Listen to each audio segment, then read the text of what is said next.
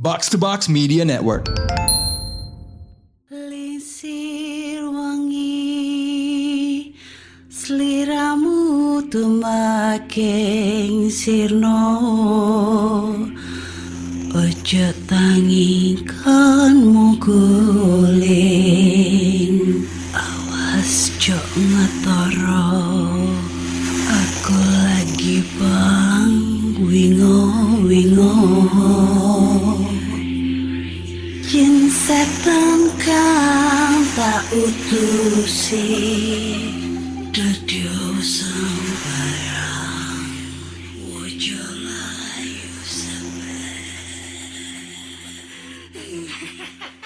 Hai Rek, iya apa kabar Ketemu lagi dengan aku si Ana di podcast kisah horor.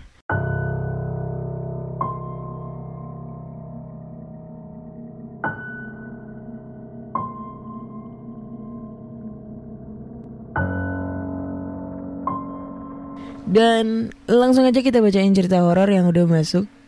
Dan cerita ini berjudul Gangguan di Tempat Kerja Baru. Hai Kak Ana, ini pengalaman pribadiku di tahun 2010. Saat itu aku baru lulus sekolah di salah satu SMK negeri di kota B di Jatim. Karena belum memiliki biaya untuk kuliah, aku putuskan untuk mencari pekerjaan. Setelah ke sana kemari mencari info loker, akhirnya ada yang menawari menjadi seorang penyiar radio lebih tepatnya. Tanpa pikir panjang, aku mengiyakan karena itu sesuai dengan bidangku saat sekolah di SMK. Saat pertama datang untuk interview dan menyerahkan berkas lamaranku di Radio L, tidak ada hal yang aneh di sana. Semua terasa normal dan biasa. Dan aku sangat bersemangat karena ini rejeki bagiku. Di radio itu aku mendapat fasilitas mes gratis. Aku pikir lumayan daripada harus pulang pergi. Sedang jarak rumahku dengan tempat kerja pertamaku memakan waktu satu jam. Setelah proses rekrutmen berakhir dan yes, aku diterima. Mulailah aku boyongan ke mes. Kesan pertama masuk mes bersih, luas, dan adem. Ada kipas angin dan loker Kamar mandi ada di luar, hanya dibatasi dinding kaca. Saat itu satu kamar mes diisi tiga orang. Aku dan dua teman baruku sebut saja Tia dan Putri. Kami sepakat untuk tinggal di satu kamar mes selama masa training. Selama training, jadwal kami bertiga adalah shift paling pagi. Jam setengah lima, on pemancar radio dan berakhir jam 12 malam. Di hari pertama dan kedua semua terlihat baik-baik saja hingga akhirnya di hari ketiga kami seperti merasa amat kelelahan sampai-sampai aku sering ketiduran saat bekerja. Hari itu kami ada rapat mingguan. Saat itu aku tertidur di meja bundar tempat diadakannya rapat. Tia membangunkanku. Aku terperanjat karena kulihat semua karyawan sudah berkumpul mengelilingi meja bundar. Saat itulah ada hal aneh yang aku lihat. Di antara para karyawan, ada seperti seseorang, namun berwarna hitam, tinggi, berlari menjauhi meja. Aku pikir itu halusinasi karena aku baru bangun tidur. Anehnya, di hari-hari selanjutnya yang seperti seseorang tadi mulai berani mengikutiku meskipun itu siang bolong. Ketika aku dekati dia, seperti lari bersembunyi. Namun ketika aku pergi, dia mengikuti. Karena merasa penasaran, aku pun bertanya kepada Putri.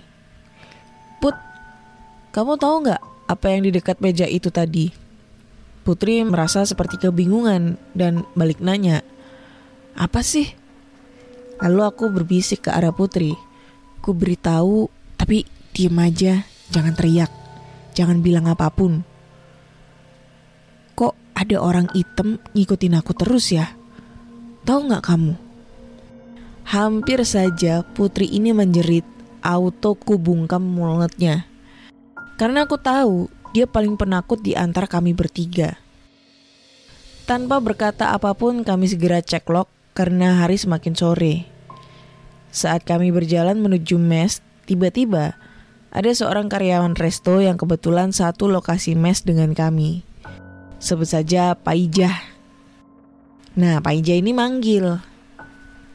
Hei mbak, kamu kok berani balik dari radio petang-petang begini? Aku dan Putri saling memandang. Emang kenapa mbak? Besok aja aku cerita, tapi jangan bilang siapa-siapa ya. Saat itu pula, kami berjalan pulang bersama diikuti sesosok bayangan hitam itu lagi yang terlihat makin jelas di sore hari dengan gerakan yang amat lincah muncul menghilang di antara bangunan menuju mes. Merinding karena cuma aku yang bisa lihat itu. Kebetulan malam itu Tia pulang karena besoknya ada jadwal dia libur. Saat aku ke kamar mandi, Putri langsung menuju kamar dan tidur. Aku pun segera menyusul karena takut. Dan malam itu benar-benar jadi malam yang bersejarah karena seumur-umur dikasih lihat hantu yang serem. Kalian pikirlah, pasti itu sosok hitam tadi kan. Tapi ini lain. Saat aku rebahan di kasur, berinsek masuk ke dalam selimutnya Putri. Tiba-tiba kepalaku itu serasa ditarik kuat-kuat ke arah samping kanan. Posisiku itu di pinggir kasur. Kasur tanpa dipan langsung bersentuhan dengan lantai. Tiba-tiba ada angin kenceng banget. Pas kepalaku di posisi tertoleh, ada sosok mirip bayi yang baru bisa duduk. Membelakangi wajahku cuma pakai celana dalam. Tanpa baju, lalu dia menoleh menunjukkan kedua taringnya sambil pegang mainan. Tersenyum lebar menatapku. Seketika itu mulutku kaku, hanya satu tangan kiriku yang mampu bergerak meraih tubuh putri. Putri yang tanggap langsung menarik tubuhku dan membekap mataku. Seolah-olah Putri memahami apa yang terjadi padaku. Dia memelukku erat-erat dan membaca doa keras-keras di dekat telingaku. Lalu seketika itu aku bisa menangis dan berbicara, namun Putri segera mengajakku tidur. Itu gangguan pertama, dan kali ini gangguan terjadi di tempat kerja. Ketika mendapat shift malam, aku sudah mempersiapkan diri dengan membawa alat mandi ke kantor dan saat azan maghrib, aku meninggalkan ruang siaran untuk mandi. Letak kamar mandi itu di ujung hampir di belakang di sebelah ruang pemancar. Sedangkan ruang siaran itu ada di depan. Saat aku berjalan, aku dengar suara orang mandi. Kupikir ada karyawan lain sedang mandi. Aku pun duduk di meja makan karena kamar mandi dekat dengan dapur. Setelah lama menunggu, tiba-tiba Pak Rudi penjaga malam kantorku itu datang dan memanggil. Hei mbak, ngapain di situ? Terus aku jawab, antri pak mau mandi. Hah? Mandi? Emang ada orang di situ? Aku habis keliling gak ada orang kok. Kagetku bukan kepalang karena seketika itu tak terdengar lagi suara orang mandi dari dalam. Loh, iya toh pak? Terus siapa tuh? Jebar-jebur dari tadi. Aku pun semakin takut. Lalu Pak Rudi berjalan ke arah kamar mandi dan membuka pintunya. Alangkah terkejutnya aku karena kamar mandi kosong dan lantainya kering. Lantas, siapa yang mandi tadi? Lalu Pak Rudi berkata, "Dah, mandi aja, Mbak. Aku di sini. Kunci pintunya. Tenang, aku nggak ngintip." Tanpa pikir panjang, aku segera mandi karena diburu rasa takut. Selesai mandi, aku duduk di meja bundar, lalu Pak Rudi menyusul. Dengan rasa takut yang amat aku beranikan diri untuk bertanya kepada Pak Rudi. Pak, kamu pernah mengalami yang aku alami tadi nggak? Pak Rudi menimpali. Aku mau jawab mbak, tapi janji jangan takut ya. Oh iya, lupa sebut saja namaku EN. Saat itu aku mengiyakan permintaan Pak Rudi. Lalu Pak Rudi bercerita bahwa di radio itu memang ada sesuatu yang lain. Beliau berkata, biasanya mereka memang ngajak kenalan orang-orang baru, Mbak. Auto keringatan dingin. Tapi aku tuh penasaran banget. Jam on air pun habis tepat pukul 12 malam. Karena sudah takut berhari-hari diajak kenalan sama makhluk-makhluk astral di sana, aku minta tolong Pak Rudi untuk mengawalku kembali ke mes. Nah, kebetulan malam itu Tia dan Putri sedang pulang. So, aku kan tidur sendirian tuh di mes. Dari jauh Pak Rudi berkata, Mbak, tak antar sampai sini ya. Aku harus jaga kantor radio soalnya. sambil mengintip dari rolling door ruang belakang yang sedikit terbuka. Terlihat sekali cahaya terang yang hanya sedikit keluar karena jalan tempatku kembali ke mes itu sangat gelap. Lampu-lampu udah mati. Ya pak, makasih ya. Eh, tapi jangan masuk dulu pak, gelap di sini. Jawabku dengan menahan takut. Pak Rudi terlihat mengangguk dari kejauhan. Namun tiba-tiba semua terasa gelap dan dingin. Karena takut, aku segera berlari. Kira-kira jarak kantor dengan mes itu sekitar 100 meter. Kemudian aku masuk kamar dan berusaha tidur. Kukira waktu itu bisa langsung tidur tuh. Tapi ternyata enggak. Karena takut susah sekali memejamkan mata sampai akhirnya jam 3 pagi aku tuh tertidur. Namun belum ada lima menit, tiba-tiba ku dengar suara orang mandi.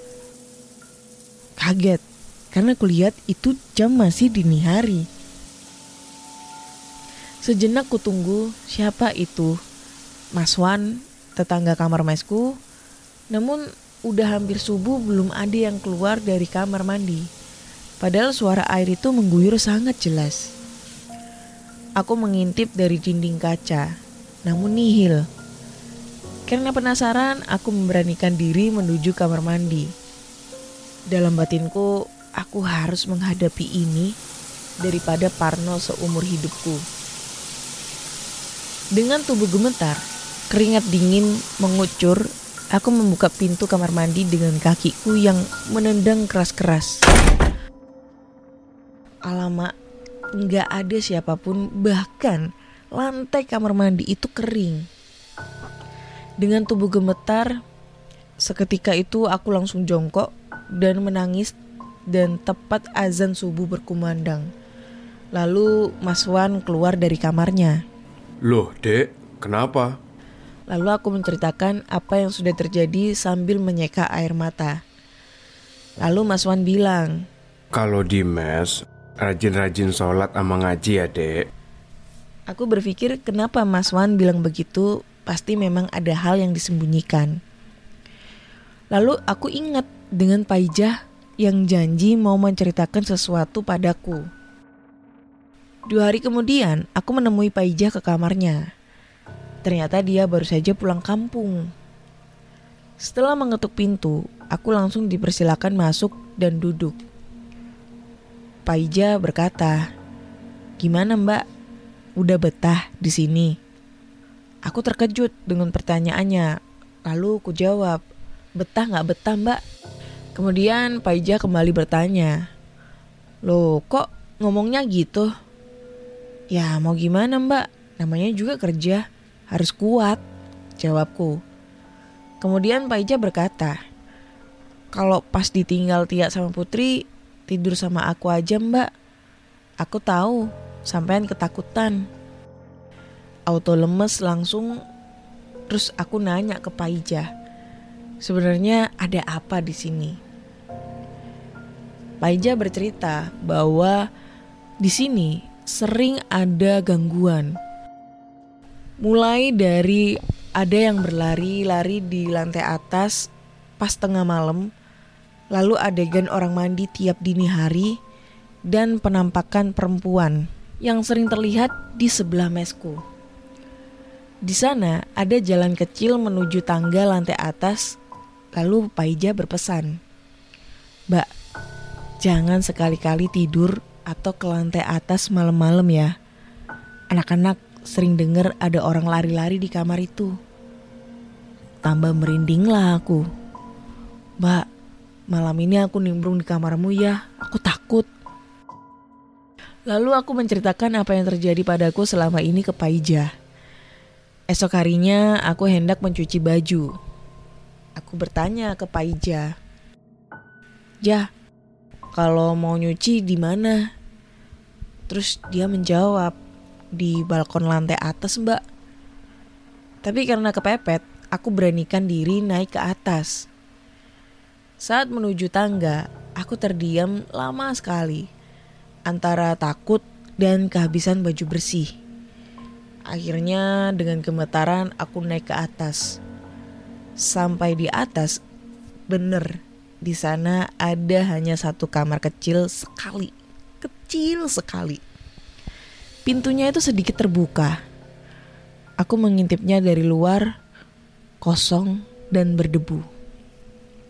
Tiba-tiba, merindinglah aku buru-buru pergi ngibrit nyuci baju dan aku takut. Sesuai pesan Mas Wan, aku jadi sering ngaji dan sholat di mes. Padahal biasanya aku tuh sholat di musola kantor. Esok harinya ada kejadian lagi di kantor yang bikin aku kapok sendirian. Saat itu hari sudah petang. Kebetulan Putri ada di kantor hendak makan malam. Sementara aku masih di ruang siaran. Saat keluar ruangan, aku melihat Putri berjalan menuju pintu belakang kantor. Aku berteriak, "Hei Put, tungguin aku. Katanya mau makan. Kok aku ditinggal?" Lalu segera aku berlari menuju ke belakang. Namun apa yang terjadi? Sungguh di luar nalar. Sebelum aku sampai pintu, aku melihat Putri sedang duduk santai sambil makan. Kebetulan meja makan dekat dengan pintu keluar. Putri melongo melihatku dan berkata, "Heh, aku di sini lagi makan, gak ke mana-mana." Lalu dengan segera Putri menarikku lari ke ruang tengah menuju meja bundar di mana ada Pak Rudi berada. Pak Rudi bertanya, Mbak, ada apa mbak? Aku menangis dan bercerita. Pak, tadi ada perempuan jalan ke pintu belakang. Kirain putri. Tak panggil nggak noleh-noleh. Eh, ternyata putri lagi makan, Pak. Terus perempuan tadi siapa? Rambutnya panjang sama kayak putri. Tapi bajunya putih-putih. Pak Rudi kembali berkata, Oh, sudah diajak kenalan toh? Aku tambah nangis kenceng tuh. Ngerasa nggak tahan lagi, tapi Pak Rudi berusaha menenangkan. Gak apa-apa mbak, dia baik kok. Dia yang sering di kamar mandi. Dan sejak saat itu, aku sudah tidak lagi mau ke kamar mandi kantor. Takut rasanya seperti diteror habis-habisan. Lalu pada hari Kamis, malam, saatnya dialog khusus paranormal. Lupa deh apa nama acaranya. Jadi di segmen itu pendengar-pendengar radio bisa berkonsultasi masalah dan pengalaman goib. Saat itu aku diminta untuk ikut menjadi operator mixer. Tapi ternyata Pak Manajer punya tujuan lain. Beliau mengenalkanku dengan paranormal yang saat itu menjadi narasumber. Kabar bahwa aku mengalami gangguan ternyata sudah sampai ke telinga Pak Manajer, sebut saja namanya Pak Zain. Saat jeda iklan, aku diminta menceritakan pengalamanku, lalu Pak Paranormal mulai memeriksaku. Beliau berkata, Mbak, sampean ini istimewa. Banyak yang suka. Mbak jangan takut, ini anugerah. Mbaknya emang peka. Dengan terbata-bata aku bilang, Pak, gimana supaya aku nggak ngeliat mereka dan aku merasa aman? Pak Narsum, panggil saja begitu. Beliau berkata, Banyak-banyak berdoa dan sering beribadah ya mbak. Nggak apa-apa, mereka nggak nyakitin. Dengan perasaan campur aduk, aku melanjutkan kerjaku hingga tutup pemancar. Dengan pasrah, aku berjalan ke mes. Perasaan takut dan bergidik sudah dikalahkan dengan rasa takut menjadi gila karena terus diteror makhluk-makhluk ini. Sesampainya di mes, aku sengaja tidak tidur dan menelpon Pak Manajer. Pak, besok saya izin masuk masuk siang ya. Saya takut nggak bisa tidur. Pak manajer pun mengiyakan seolah-olah tahu apa yang kurasakan.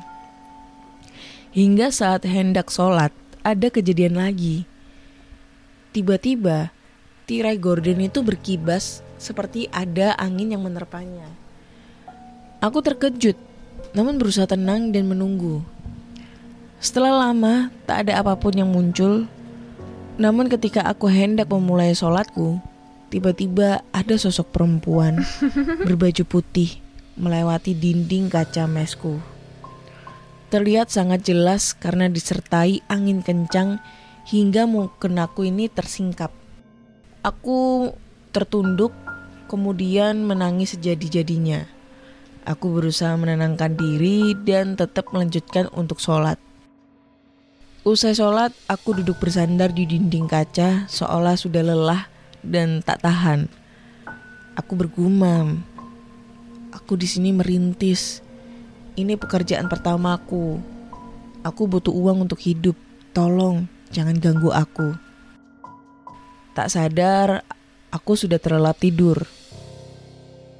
Begitulah hari-hariku seterusnya dan aku tetap bertahan karena aku percaya Allah melindungiku. Aku tetap melaksanakan sholat dan mengaji seperti yang disarankan oleh Mas Wan. Gangguan pun berangsur berkurang, namun tak hilang begitu saja. Si hitam tinggi sehari-harinya masih mengikutiku. Dan mbak-mbak berbaju putih itu sudah nggak nampak, hanya sesekali mengintip saja. Sampai akhirnya aku mampu bertahan selama satu tahun. Hingga pada akhirnya ada fakta baru tentang penampakan-penampakan di tempat kerjaku itu. Saat aku hendak resign, Paija mulai memberitahuku hal yang tak pernah kuduga sebelumnya. N, sebenarnya gangguan itu tak semuanya berasal dari sini. Banyak pesaing-pesaing bos kita yang suka jahil, menabur bunga di sudut bangunan tempat ini, bahkan ada yang menabur tanah kuburan. Jadi nggak heran kalau tempat ini terlihat gelap dan menakutkan. Paijah pun memujiku. Aku salut. Satu-satunya orang yang paling lama betah tinggal di kamar kaca itu adalah kamu. Karena anak-anak yang sebelum kamu semuanya gak ada yang berani tinggal di situ. Dalam hatiku berkata, sialan, aku dikerjain nih. Kenapa harus aku gitu kan? Tapi nggak apa, semua sudah terjadi dan aku mulai merasa nyaman. Memang benar apa kata Pak Rudi, mereka hanya ingin berkenalan, asalkan kita tetap berlindung kepada Tuhan Yang Maha Esa. Semua akan baik-baik saja. Pelajaran yang mampu kuambil dari cerita ini adalah jangan takut berhadapan dengan jin dan syaiton karena mereka hanya bertugas menggoyahkan iman kita dengan berkamuflase menjadi makhluk-makhluk astral. Tetaplah berlindung kepada Tuhan. Oh ya, jangan lupa untuk selalu memberi salam di tempat baru. Itu pesan ibuku. Mohon maaf kalau banyak tipu dan kekurangan lain.